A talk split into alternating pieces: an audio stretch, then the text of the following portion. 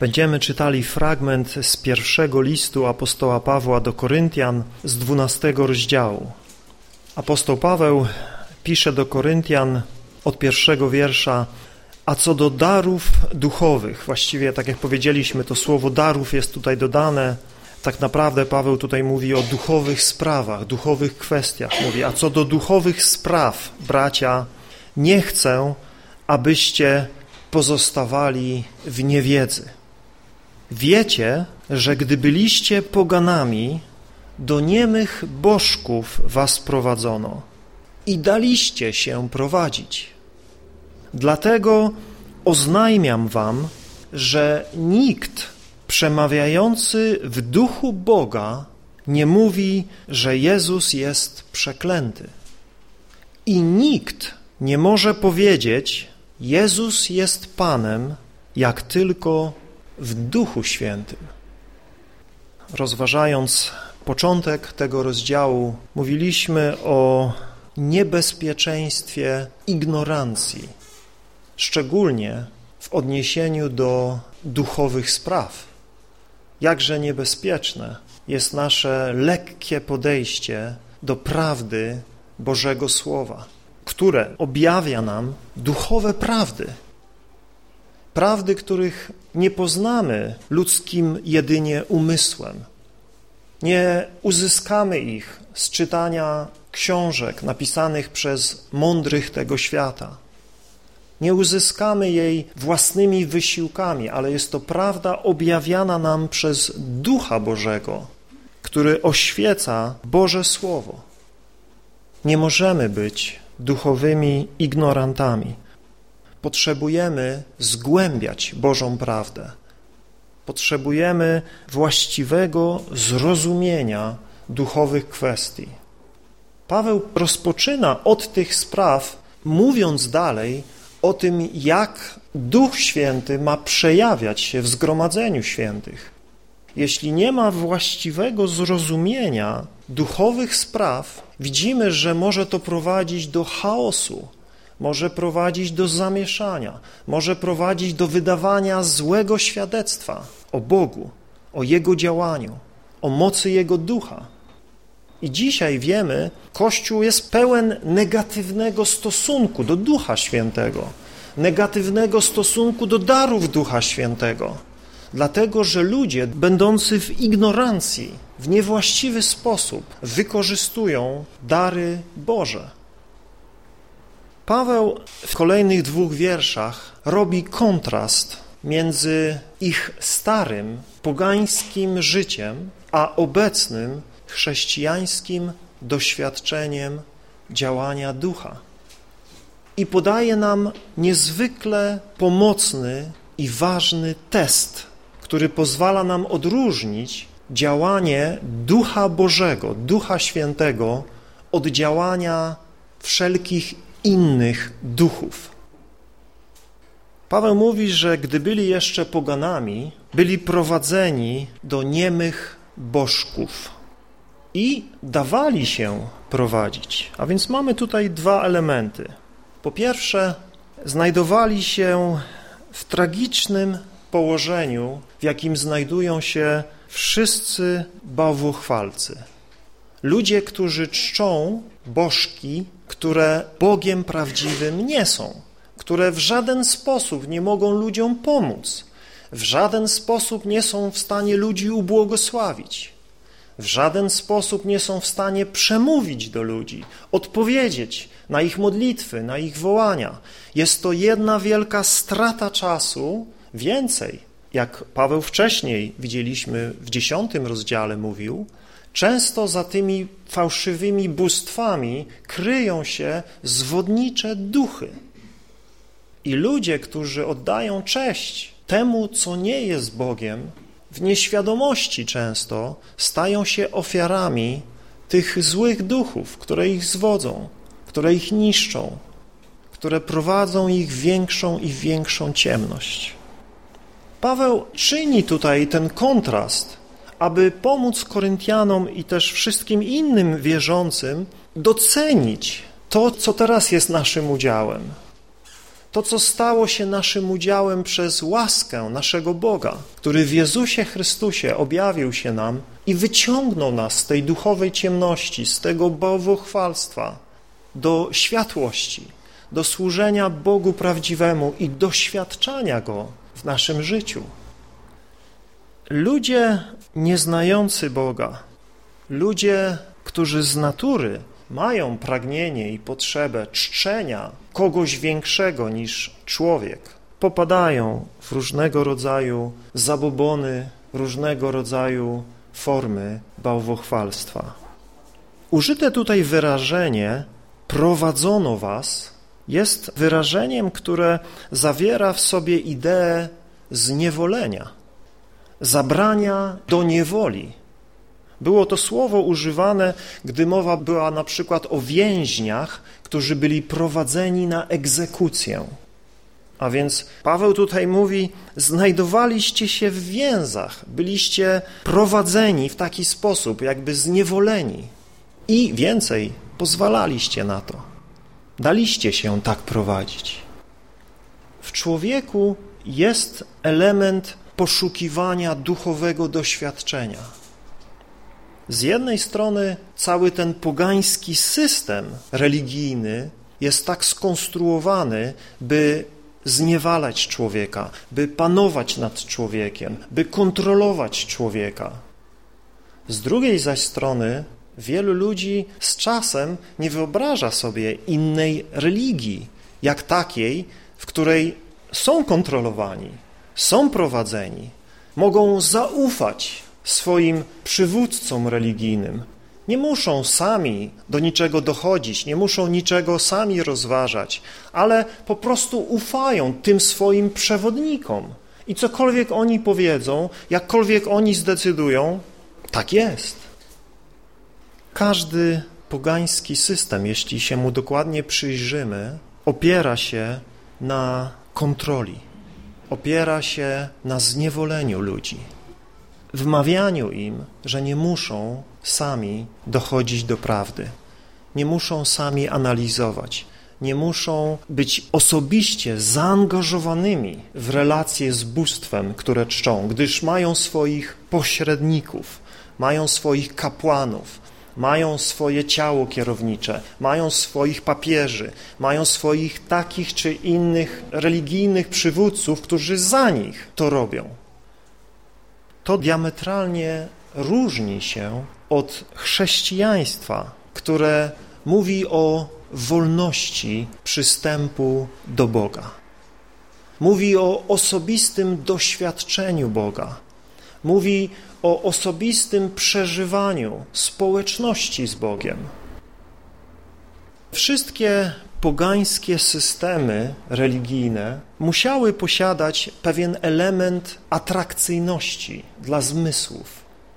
Czy to jakichś wizualnych efektów, piękne, kunsztownie zdobione świątynie, pełne niezwykłych obrazów, pełne tajemniczych, misternych obrzędów, robiące wrażenie na człowieku. Może dzisiaj już nie tak bardzo, ponieważ dzisiaj mamy dostęp do takich wizualnych materiałów i takich obrazów fundowanych przez kino, internet, że może już te religijne nie robią na nas takiego wrażenia, na współczesnym człowieku. Ale jak się cofniemy w przeszłość, to świątynie pogan i niestety wiele tak zwanych chrześcijańskich świątyń było jednym wielkim teatrem, było jednym wielkim przedstawieniem. Bardzo często kapłani w pogańskich świątyniach pracowali nad tym, żeby to, co się dzieje w trakcie tych ich obrzędów, robiło wstrząsające wrażenie na uczestnikach tych obrzędów. A więc często z ust tych bogów buchały jakieś płomienie, Wydobywały się jakieś słowa, które tam kapłani przez rurę e, za tym posągiem przymocowaną sami wypowiadali. Leciały łzy z oczu posągów. Lała się krew. Różne zjawiska niezwykłe się działy i ludzie w ten sposób wierzyli, że mają do czynienia z prawdziwymi bóstwami, z prawdziwymi cudami, z prawdziwymi objawieniami bogów. Ale to było wielkie fałszerstwo. To było wielkie oszustwo. Religijność, która miała ludzi trzymać w przekonaniu, że mają do czynienia z prawdziwymi, żywymi bogami, podczas gdy mieli do czynienia z obrazami, mieli do czynienia z figurami, mieli do czynienia tylko z tworami ludzkich rąk, które sprytni kapłani wykorzystywali do tego, by kontrolować ludzi. Mając jakąś większą wiedzę na temat gwiazd, różnych zjawisk przyrodniczych, często też posługiwali się tymi rzeczami, jakimiś naturalnymi zjawiskami, które przedstawiali jako działanie Boga. Bardzo często przypisywali te Boże błogosławieństwa typu deszcz, typu słońce tym bogom i oddawano cześć jakimś fałszywym bóstwom, które rzekomo zsyłały dobrobyt albo zsyłały plagi, zsyłały nieszczęścia, zarazy. To wszystko, aby jakieś wąskie grono ludzi, którzy wykoncypowali, jak można na ludzkiej naiwności i religijności zrobić dobry interes. Pismo Święte stanowczo sprzeciwia się jakiejkolwiek formie religijności i pobożności, z której ludzie czerpią zyski i stają się panami nad wiarą innych. Apostoł Paweł przypomina tutaj Koryntianom, w czym kiedyś tkwili, jaki był ich tragiczny stan, jakie było ich marne położenie wobec tego, co teraz stało się ich błogosławionym udziałem. Prawdziwa wiara w Boga jest z gruntu doświadczeniem duchowym. Zauważmy, że wszelkie pogańskie systemy mają rozbudowane elementy wizualne, dźwiękowe, zmysłowe. Konieczne są specjalne pomieszczenia, konieczne są elementy towarzyszące ich kultowi. Konieczne są specjalne stroje, wysokie czapki, zdobienia, piękne rzeczy, które robią na ludziach wrażenie. W chrześcijaństwie niczego takiego nie potrzebujemy. Nie potrzebujemy ani miejsca, ani jakichś ludzi, ani żadnych zdobień, niczego tak naprawdę nie potrzebujemy poza naszym sercem pełnym wiary w Boga. Możemy doświadczyć Boga w każdym miejscu, w każdym czasie, bez pomocy żadnych ludzi, z gruntu. Wiara w prawdziwego Boga jest doświadczeniem duchowym. Twory ludzkich rąk, zrobione z gliny, z drewna, z metalu, nie mających w sobie oznak życia, nie mówiących, nie czujących, o niczym nie decydujących, bezdusznych i bez wartości, nadal niestety cieszą się wielkim powodzeniem. Brat czytał dzisiaj z psalmu, w którym już przed tyloma wiekami oświeceni przez Boga ludzie widzieli marność pogańskich bóstw, dzieł ludzkich rąk a współczesny, wykształcony, mądry człowiek XXI wieku nadal im się kłania, nadal je czci i nadal w nich pokłada nadzieję, że mogą Jemu pomóc. Chrześcijaństwo nie opiera się na wizualnej czy zmysłowej manipulacji. Nie potrzebuje kunsztownej oprawy w postaci obrazów, rzeźb, posągów, procesji, wymyślnych ceremonii, strojnych szat, tajemniczych rytuałów. Chrześcijaństwo zasadza się na prostej wierze ufnego serca i osobistym poznaniu Boga w rozumnym przyjęciu Jego objawienia zawartym w Jego Słowie. Pan Jezus powiedział, że mamy czcić Boga w duchu i w prawdzie. Bracia i siostry, to wystarczy. To wystarczy. I tak naprawdę nie ma innej możliwości czcić Boga i doświadczać Boga w naszym życiu, jak w duchu i w prawdzie. Jeśli pokładasz ufność w jakichś działaniach, zewnętrznych czynnościach, miejscach, ludziach, mijasz się z Bożym miejscem spotkania z Tobą w duchu i w prawdzie. W pogaństwie kapłani i religijni przywódcy sprawują władzę i kontrolują swoich wiernych. Chrześcijanie natomiast są zawsze wolni, związani ze sobą jedynie więzami miłości i braterstwa, dobrowolnie poddając się pod panowanie Jezusa Chrystusa i prowadzenie Jego świętego ducha. Niezniewoleni, ale dobrowolnie oddani Mu. To jest ogromna, ogromna i cudowna różnica. Panowanie Bożego Ducha w Bożym Kościele. To jest temat, którym apostoł Paweł się zajmuje w tych trzech kolejnych rozdziałach. Aktywność Bożego Ducha skupiona na uwielbieniu Pana Jezusa. Zauważcie, w trzecim wierszu Paweł mówi Oznajmiam wam, że nikt przemawiający w duchu Boga nie mówi, że Jezus jest przeklęty. Jezus anatema. I nikt nie może powiedzieć, Jezus jest Panem, jak tylko w Duchu Świętym. Tutaj mamy niezwykle pomocny test. To wyrażenie oznajmiam wam jest wprowadzeniem zasady, która pozwala nam odróżnić działanie Ducha Bożego od wszelkich innych wpływów, pod którymi człowiek może się znajdować. Skąd możemy wiedzieć, czy cudowne duchowe zjawiska, które mają miejsca w wielu zgromadzeniach ludzi, którzy nazywają się wierzącymi, pochodzą od Boga, czy też są wytworem ludzi lub demonów, zwodniczych duchów. Wiemy, że człowiek potrafi być niezwykle religijnie twórczy. I Pismo mówi nam, że również demoniczne siły, zwodnicze duchy są w stanie wywoływać w ludziach wrażenia, przeżycia, doświadczenia, które nieraz przypominają do złudzenia działanie Ducha Bożego. Jak odróżnić? Skąd to pochodzi? Co się dzieje na tych różnych chrześcijańskich zgromadzeniach, na które patrzymy i oglądamy to, co tam się dzieje z lękiem? Zasada, którą Paweł przedstawia, jest bardzo prosta. Musimy zadać sobie pytanie, jakie świadectwo dane słowa czy działania składają o Jezusie Chrystusie? To jest test, który Paweł tutaj podaje. Jakie świadectwo dane słowa lub działania składają o Jezusie Chrystusie?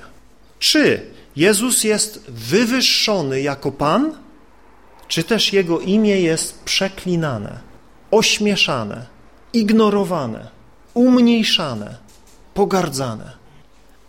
Pan Jezus w Ewangelii Jana w szesnastym rozdziale zapowiada przyjście i służbę Bożego Ducha w następujący sposób.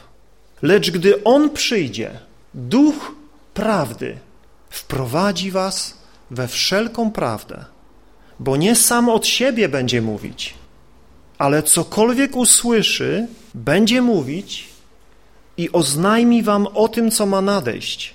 On mnie, mówi Jezus, mnie otoczy chwałą. Tak Jezus zapowiada przyjście Ducha. Tak zapowiada Jego służbę.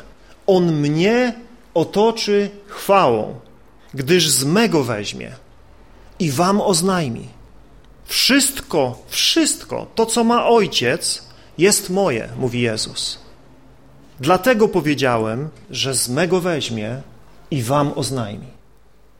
Zauważmy, że Duch Święty pełni obecnie swoją służbę w bardzo podobny sposób, jaki Pan Jezus pełnił swoją służbę, gdy był tutaj na ziemi.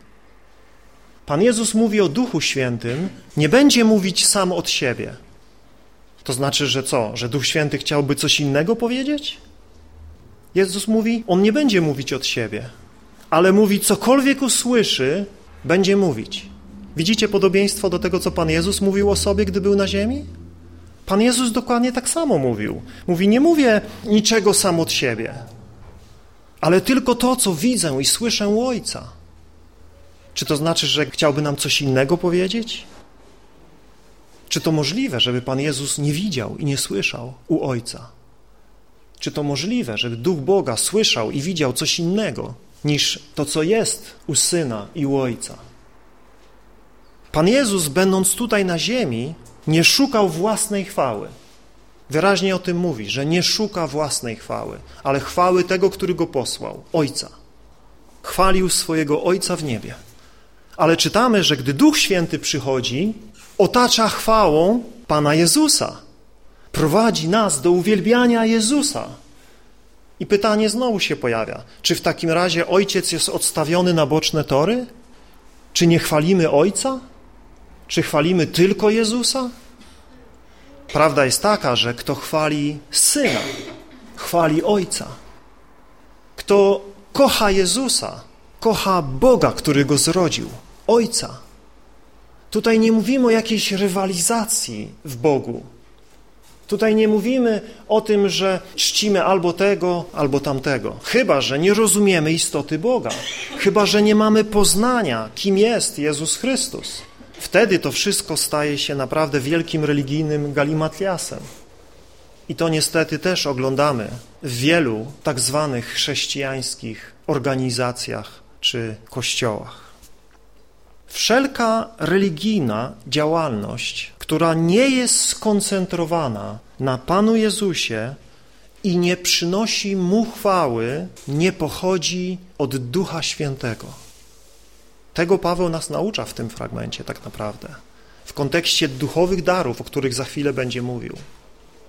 Cokolwiek uwłacza Jezusowi, cokolwiek umniejsza chwałę Jezusa, cokolwiek składa złe świadectwo o Jezusie, cokolwiek odwodzi naszą uwagę od Jezusa, nie jest dziełem Bożego Ducha, gdyż Duch Boży prowadzi ludzi do Jezusa skupia uwagę ludzi na Jezusie.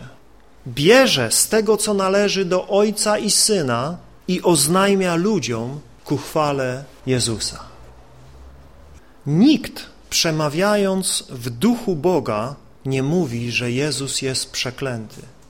Ten test nie powinien być stosowany jedynie w przypadku jawnego, słownego przekleństwa. Oczywiście, literalnie rzecz biorąc tak, to jest oczywiste, jeśli ktoś swoimi ustami, swoimi wypowiedziami, swoimi stwierdzeniami w jakikolwiek sposób uwłacza Jezusowi, wiemy, że to nie jest z Bożego Ducha. Ale jeżeli swoim czynem będzie uwłaczał Jezusowi, czy wtedy uznamy, że jest to z Bożego Ducha? Oczywiście, że nie. Użyty tutaj grecki termin anatema, tłumaczony jako przeklęty, ma szerokie znaczenie, obejmujące odrzucenie, wykluczenie, zaprzeczenie, zaparcie się. Może odnosić się do jakiegokolwiek fałszywego świadectwa składanego o Jezusie. A więc ktokolwiek składa fałszywe świadectwo o Jezusie, ten bluźni Jezusowi. To niezwykle ważne, bracia, siostry, byśmy wiedzieli, kim jest Jezus Chrystus i składali o Nim dobre świadectwo. Abyśmy wyznawali Go Panem, a nie anatema. Abyśmy nie bluźnili Jezusowi Chrystusowi. Zauważmy, że to przekleństwo stoi w kontraście z wyznaniem Jezusa Panem. Z jednej strony mówi, jeżeli ktoś mówi, że Jezus jest anatema, to na pewno nie jest to z Ducha Bożego. Nikt przemawiając w Duchu Świętym nie powie niczego złego o Jezusie. A z drugiej strony mówi, jeśli ktoś powie, że Jezus jest Panem, to tylko w Duchu Świętym. No ale tutaj możemy powiedzieć, zaraz, zaraz, poczekaj. Przecież jest wielu ludzi, wcale nieodrodzonych duchowo, wcale nienapełnionych Duchem Świętym, którzy są w stanie powiedzieć, Jezus jest Panem. Czyż nie ma wielu takich? Pytanie jest, co oni rozumieją pod słowem Pan. Tu jest zasadnicze pytanie. Co rozumieją, kiedy mówią Pan? Czy rozumieją to tak, jak rozumieli apostołowie? Czy też rozumieją to w inny sposób? Czy w ogóle to rozumieją? Czy wypowiadają te słowa ze zrozumieniem, czy po prostu je wypowiadają? Rzeczywiście, jeśli chodzi o jedynie wypowiedzenie samych słów, to każdy, kto umie mówić, może to zrobić. Ale wypowiedzenie tych słów z właściwym zrozumieniem i wiarą może mieć miejsce jedynie dzięki działaniu w ich życiu Bożego Ducha. W liście do Rzymian w dziesiątym rozdziale i dziewiątym wierszu czytamy, że jeśli ustami wyznasz Pana Jezusa i uwierzysz w swoim sercu, że Bóg wskrzesił Go z martwych, będziesz zbawiony. Na początku swojego chrześcijaństwa prawie wykręcałem niektórym ręce. Nie dosłownie oczywiście, ale próbowałem ich tak, że tak powiem brzydko, dopaść i tak z nimi rozmawiać, i tak ich przekonywać, i tak ich zachęcać, żeby tylko wypowiedzieli za mną te słowa. Bo myślałem, że jak oni powiedzą te magiczne słowa, Jezus jest Panem, no to będą zbawieni i już wszystko będzie dobrze. Ale niestety wielokrotnie przekonałem się, że chociaż udało mi się ich namówić, chociaż skłonili swoje głowy ze mną i wypowiedzieli te słowa, nic się w ich życiu nie zmieniło. Nie zostali zbawieni. Wypowiedzieli te słowa, ale czegoś brakowało. Wypowiedzieli je dlatego, że ja ich przekonałem, że ja ich namówiłem. Nie dlatego, że Duch Święty ich przekonał, że Duch Święty objawił im, kim Jezus jest i prawdziwie wyznali Go swym Panem. Oddali Mu swoje życie, tak jak można oddać tylko Bogu. Jeśli tego nie ma, możemy ludzi w różny sposób nakłonić do tego, by się pomodlili taką modlitwą. Możemy stworzyć piękną atmosferę. Możemy wypowiedzieć piękne słowa. Możemy im obiecać złote góry. I wielu z nich wypowie te słowa w nadziei, że dostaną te złote góry. Że wszystkie problemy się rozwiążą w ich życiu. Że wreszcie będzie cudownie, wspaniale, bogato, zdrowo i szczęśliwie. Ale jeśli nie ma w ich sercach objawienia od Ducha Boga, że Jezus jest Panem, i to nie Panem przez małe p. To nie takim Panem, jakim przedstawiają go świadkowie Jehowy. Nie takim Panem, jaki jest w umysłach wielu katolików, ukryty w hostii, ale Panem, takim jakim jest Bóg Ojciec. Panem, Kyrios, greckie słowo, które w Starym Testamencie, w greckim przekładzie odnosi się do Boga Jahwe. Jeśli Go takim Panem ujrzysz, jeśli Go takim Panem poznasz, i jeśli Go takim Panem wyznasz, będziesz zbawiony. Jezus powiedział, jeśli nie poznacie, że ja jestem, umrzecie w swoich grzechach. To stwierdzenie Jezusa, ja jestem, bezwzględnie odnosi się do Jego jedności z Bogiem Jahwe. On jest Jahwe. I Żydzi o tym dobrze wiedzieli, kiedy chwycili za kamienie i powiedzieli, Ty, będąc człowiekiem, mienisz się Bogiem i chcieli go za to kamienować. Jeśli ludzie mówią wam, że Jezus nigdzie nie twierdził, że jest Bogiem, to kłamią. Jezus wielokrotnie mówił o sobie rzeczy, które nie, nie mogą dotyczyć nikogo innego, jak tylko samego Boga. Nasze słowa, nasze słowa, które wypowiadamy w stwierdzeniu Jezus jest Panem, muszą być wynikiem objawienia, które otrzymujemy od Ducha Świętego. I o tym Paweł tutaj mówi, że nikt nie może wypowiedzieć tych słów tylko przez Ducha Świętego, tylko w Duchu Świętym. Nie chodzi tutaj o wypowiedzenie, samo wypowiedzenie jakiejś magicznej formuły, modlitwy grzesznika, ani odprawienie jakiegoś religijnego rytuału. Gdyż, tak jak powiedziałem, wielu ludzi tego dokonało i ich życie w żaden sposób nie potwierdza ich zbawienia. Nadal są pod władzą grzechu, nadal są pod władzą szatana. Nasze słowa mają jedynie cudowną, zbawczą moc, jeśli są wypowiadane w mocy Ducha Świętego, który oświecił nasze serca i napełnił je wiarą, radością i chwałą dzięki poznaniu Boga w Jezusie Chrystusie. Wtedy wyznanie Jezusa Panem nie ogranicza się jedynie do słów, ale jest aktem uwielbienia Go jako naszego władcy, jako naszego Boga, poddania się Mu w posłuszeństwo. Uznanie Jezusa Chrystusa nie jako jednego z wielu Panów, ale uznanie Go jedynym Panem, jedynym Panem. Kto jest jedynym Panem, jak nie sam Bóg? Musimy Go uznać za takiego Pana, za jakiego Żydzi mieli Jahwe. I to jest możliwe tylko dzięki objawieniu darowanemu przez Ducha Świętego. Do tego żaden człowiek nie dojdzie własnym umysłem. Kiedy Piotr złożył o Jezusie to wyznanie, że On jest Chrystusem, Synem Boga żywego, Pan Jezus powiedział mu, to nie ciało i krew ci to objawiły, to żaden człowiek, od żadnego człowieka się tego nie dowiedziałeś i to nie przyszło z twojego własnego umysłu, ale co? Mój Ojciec ci to objawił.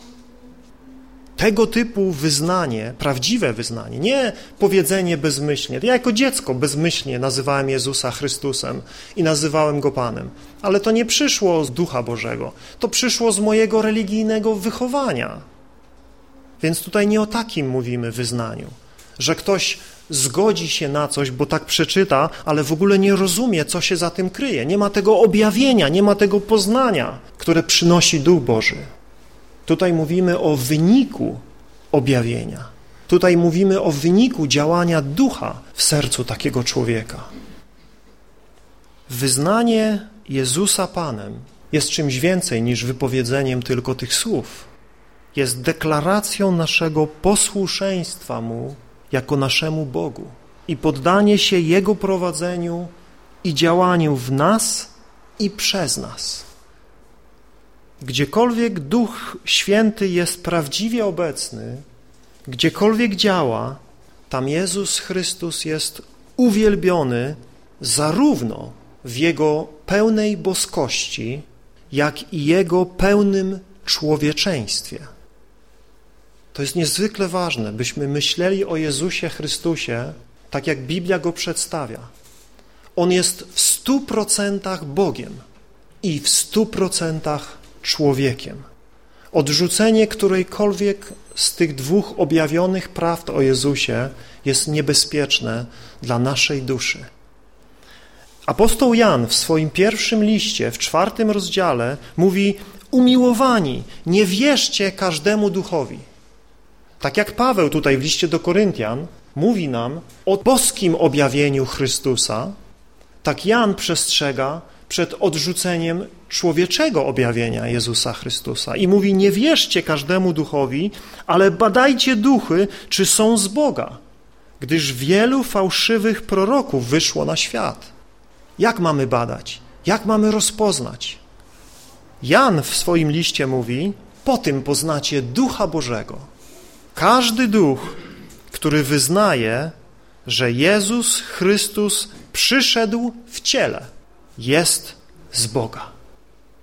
Każdy zaś duch, który wyznaje, że Jezus Chrystus nie przyszedł w ciele, nie jest z Boga. Jest to duch antychrysta, o którym słyszeliście, że nadchodzi i już teraz jest na świecie. Od samego początku zwodniczy duch antychrysta robi wszystko, aby obedrzeć Pana Jezusa Chrystusa z należnej mu chwały i albo uderza w Jego boskość, albo uderza w Jego człowieczeństwo. Podważa albo jedną prawdę, albo drugą prawdę. Potrzebujemy obu tych prawd. Odrzucenie przez ludzi jakiegokolwiek aspektu objawienia Pana Jezusa jest zgubne. Jeśli On nie jest Bogiem, to nie jest też Zbawicielem. Nie jest odkupicielem ludzi gdyż zbawienie jest dziełem tylko i wyłącznie samego Boga. Wielokrotnie Bóg Jahwe mówi o sobie jako o jedynym Zbawicielu, jedynym Odkupicielu. Weźmy tylko dla przykładu dwa fragmenty z Księgi Izajasza z 44 i 45 rozdziału. W 44 rozdziale, w szóstym wierszu, tak mówi Jahwe, król Izraela i jego odkupiciel. Kto jest królem Izraela? Kto jest jego odkupicielem? Jahwe. Nowy Testament wyraźnie mówi, że jest nim Jezus Chrystus. Jahwe zastępów mówi, ja jestem pierwszy i ja jestem ostatni. Kto jest pierwszy i ostatni? Jahwe. Nowy Testament mówi Jezus Chrystus. On jest pierwszy i ostatni. I Jahwe dodaje, a oprócz mnie nie ma Boga. Nie ma jakiegoś mniejszego Boga, nie ma półboga, nie ma pseudo-Boga, nie ma żadnego Boga. Wszystko inne to marności, wszystko inne to fałszywe bóstwa. Jest tylko jeden Bóg. W Izajasza 45 od 21 wiersza czytamy słowa Boga, który mówi oznajmijcie i przyprowadźcie ich, niech naradzają się razem. Kto od dawna przepowiadał? Kto od tamtego czasu to ogłaszał? Czy nie ja, Jahwe? A nie ma żadnego, żadnego innego Boga oprócz mnie. Nie ma Boga sprawiedliwego ani innego Zbawiciela oprócz mnie. Jahwe wyraźnie mówi, że nie ma żadnego innego Zbawiciela oprócz Niego samego. I Bóg dalej mówi Jahwe, spójrzcie na mnie, abyście byli zbawieni. Wszystkie krańce ziemi. Na kogo mamy spojrzeć, aby być zbawieni? Tak jak Mojżesz wywyższył węża na pustyni, tak Syn Człowieczy będzie wywyższony, aby każdy, kto tak jak spojrzał na tamtego węża, był uratowany od śmiercionośnego jadu, tak ten, kto patrzy na Syna Bożego i wierzy w Niego, był zbawiony i miał życie wieczne.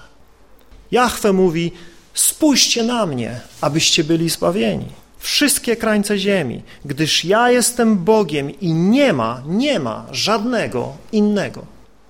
Przysiągłem na siebie, z moich ust wyszło słowo sprawiedliwe, które jest nieodwołalne. Jakie jest to słowo sprawiedliwe i nieodwołalne? Mianowicie jest takie, przede mną będzie się zginać każde kolano. To mówi Jahwe.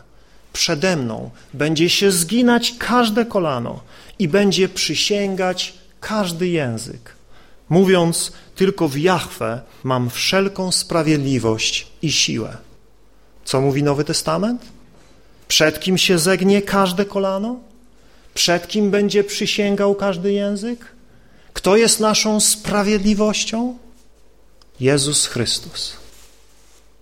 Prawdziwy Bóg Jahwe dobitnie stwierdza, że tylko On jest Zbawicielem i nie ma żadnego innego Zbawiciela obok Niego. Tak jak nie ma innego Boga obok Niego.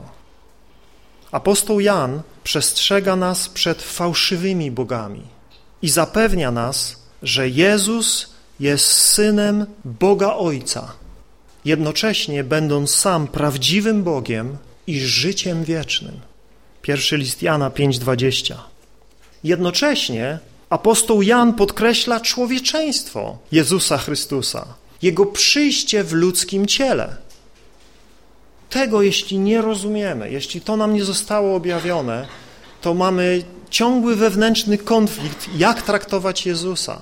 Czy czcić Jezusa, czy nie czcić Jezusa, czy modlić się do Jezusa, czy nie modlić się do Jezusa.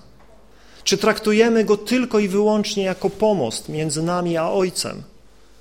Czy traktujemy Go jako tego, w którym znajdujemy Ojca, w którym doświadczamy Ojca, w którym mamy społeczność z Ojcem?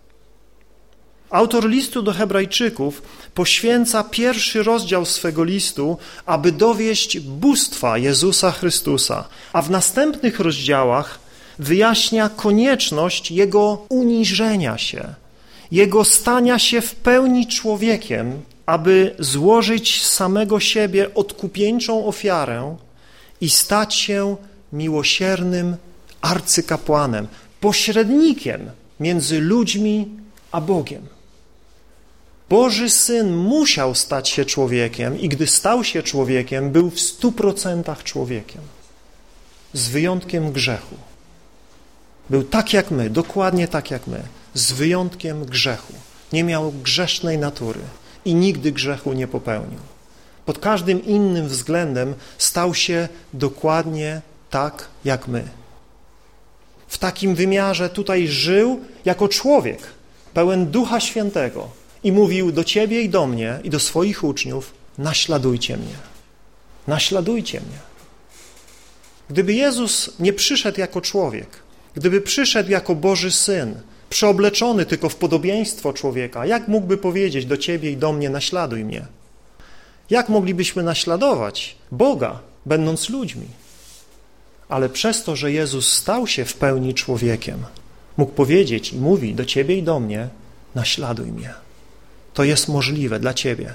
W mocy mojego ducha to jest możliwe, byś mnie naśladował. Autor listu do Hebrajczyków, mówiąc o Jezusie Chrystusie, mówi: Widzimy Jezusa, który stał się niewiele mniejszy od aniołów, ale widzimy go ukoronowanego chwałą i czcią za cierpienia śmierci, aby z łaski Boga zakosztował śmierci za wszystkich. Bez stania się człowiekiem to nie byłoby możliwe.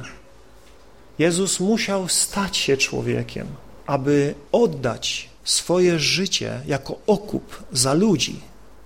Nie było innej możliwości zbawienia ludzi, jak śmierć sprawiedliwego człowieka. W czternastym wierszu drugiego rozdziału autor listu do Hebrajczyków mówi: Ponieważ zaś dzieci są uczestnikami ciała i krwi, i on także, i on także stał się ich uczestnikiem aby przez śmierć zniszczyć tego, który miał władzę nad śmiercią, to jest diabła. Jezus musiał mieć udział w ciele i krwi, aby umrzeć i przez swoją śmierć zniszczyć diabła.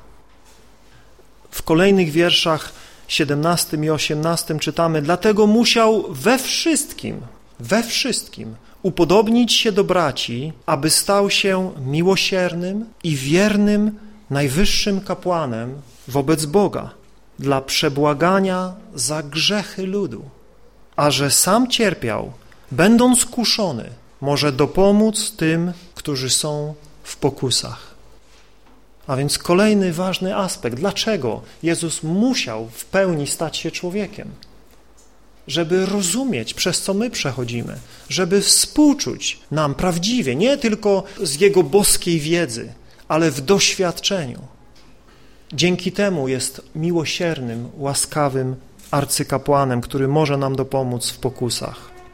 Gdyby Jezus nie stał się w pełni człowiekiem, nie mógłby umrzeć za ludzi, nie mógłby stać się zastępczą ofiarą za ludzi. W liście do Rzymian w piątym rozdziale i dwunastym wierszu czytamy, że jak przez jednego człowieka grzech wszedł na świat, a przez grzech śmierć, tak na wszystkich ludzi przyszła śmierć, ponieważ wszyscy zgrzeszyli. I dalej wyjaśnia w piętnastym wierszu, jeśli bowiem przez przestępstwo jednego wielu umarło, tym obficiej spłynęła na wielu łaska Boga i dar przez łaskę jednego człowieka, Jezusa Chrystusa. Jezus nie jest stworzonym aniołem, nie jest półbogiem, półczłowiekiem, ale jest prawdziwym Bogiem, który stał się prawdziwym człowiekiem.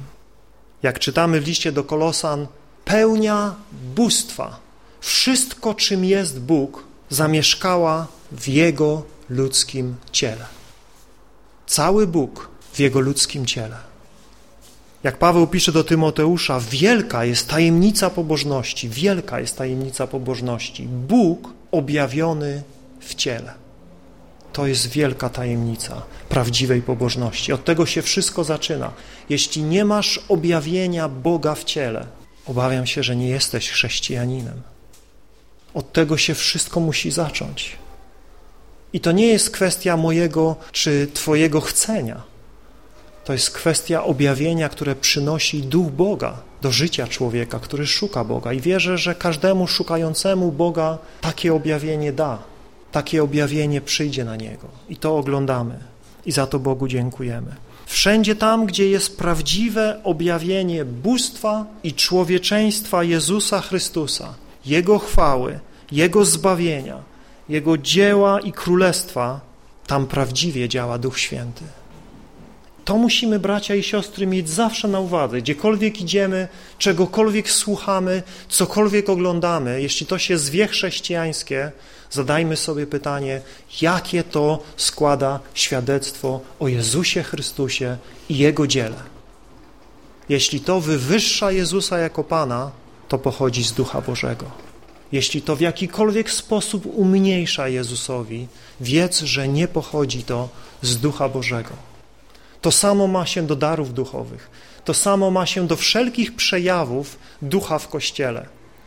Jeśli one sprawiają, że nasze serca się zwracają do Jezusa, jeśli sprawiają, że my się jeszcze bardziej uniżamy przed Nim i Jemu prawdziwie oddajemy cześć, Jego uznajemy za naszego Pana, w nas jest większa gorliwość, by Mu służyć jako Panu, możemy wiedzieć, że Duch Święty działa pośród nas.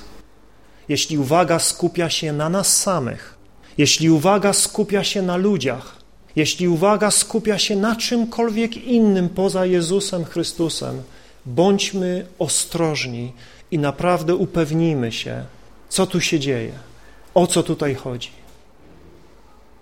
Nikt nie będzie okazywał właściwego szacunku dla Jezusa Chrystusa, nie będzie miłował Jego imienia i dzieła zbawienia, jak tylko pod wpływem Ducha Świętego. Ludzkie, skorumpowane serce nie jest w stanie docenić Pana Jezusa. W każdym jednym przypadku ci, którzy uznali Jezusa za najwyższego Pana i uczcili Go należną Mu czcią i posłuszeństwem, uczynili to dzięki działaniu Bożego Ducha. Jeżeli ktokolwiek w jakikolwiek sposób jest skłonny lekceważyć dzieło Chrystusa, mówić lekko o Jego osobie, beztrosko używać Jego imienia.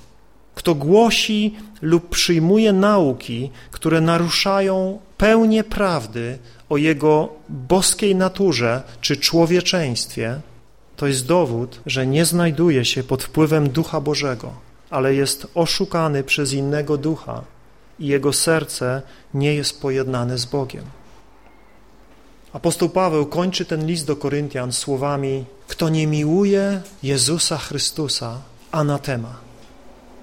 Tak jak tutaj ostrzega, żeby ktokolwiek w Kościele nie ważył się wypowiadać słowa anatema, przekleństwo, bluźnierstwo wobec Jezusa, tak Paweł kończy ten list wobec tych wszystkich, którzy nie kochają Jezusa Chrystusa. Oni wszyscy są przeklęci. Oni wszyscy są odrzuceni oni wszyscy są poza błogosławieństwem Bożym. Jeśli nie miłujesz Jezusa Chrystusa z całego serca, z całej duszy, ze wszystkich sił, obawiam się, że jesteś pod tym apostolskim przekleństwem. Błogosławieństwo jest dla tych, którzy miłują Jezusa Chrystusa, którzy uznali Jezusa za swego Pana, którzy prawdziwie żyją w posłuszeństwie, w miłości, w poddaniu swego życia Jezusowi Chrystusowi. To jest życie. To jest życie prawdziwe. I tylko tu jest życie. W Nim samym. Nigdzie indziej go nie znajdziesz. W żadnej religii, w żadnym doświadczeniu, w żadnym przeżyciu, w żadnym cudzie, w żadnym świętym miejscu. Jeśli nie ma tam Jezusa Chrystusa, daremnie się kłopoczesz, daremnie wydajesz pieniądze, daremnie szukasz życia tam, gdzie go nie ma. Ludzie wypełnieni Duchem Świętym nie są zainteresowani własną chwałą. Nie szukają poklasku ani popularności, ale ich celem, tak jak celem Ducha, który ich wypełnia, jest uwielbienie Jezusa, jest oddanie Jemu chwały. Wszelka prawdziwa wiara i miła Bogu cześć jest dziełem Ducha Świętego, który wzbudza w Bożych dzieciach miłość do Pana Jezusa i radość służenia Mu. Amen. Powstańmy, kochani, do modlitwy. Kochany nasz Boże, dziękujemy za Twoje słowo, które jest jak młot, który kruszy skałę. I oto modlimy się, by wszelkie mury, wszelkie skały, wszelkie fałszywe nauki, wszelkie błędne pojęcia na temat tego, kim jesteś, były zburzone przez Twoje słowo. Panie, abyśmy nie byli ignorantami co do tych duchowych kwestii. Boże kochany, daj nam rozum, daj nam mądrość z góry, oświeć nasze serca, abyśmy poznali nadzieję naszej chwały, Twojego Syna, Jezusa Chrystusa. Oby nikt z nas nie pokładał swej nadziei w kimkolwiek i w czymkolwiek, jak tylko w Tobie, który jesteś Bogiem prawdziwym, życiem wiecznym, naszym odkupicielem, naszym zbawicielem. Przyszedłeś do nas w Jezusie Chrystusie, Twoim Synu, i przez Niego dałeś nam się poznać. Otwórz nasze oczy szerzej.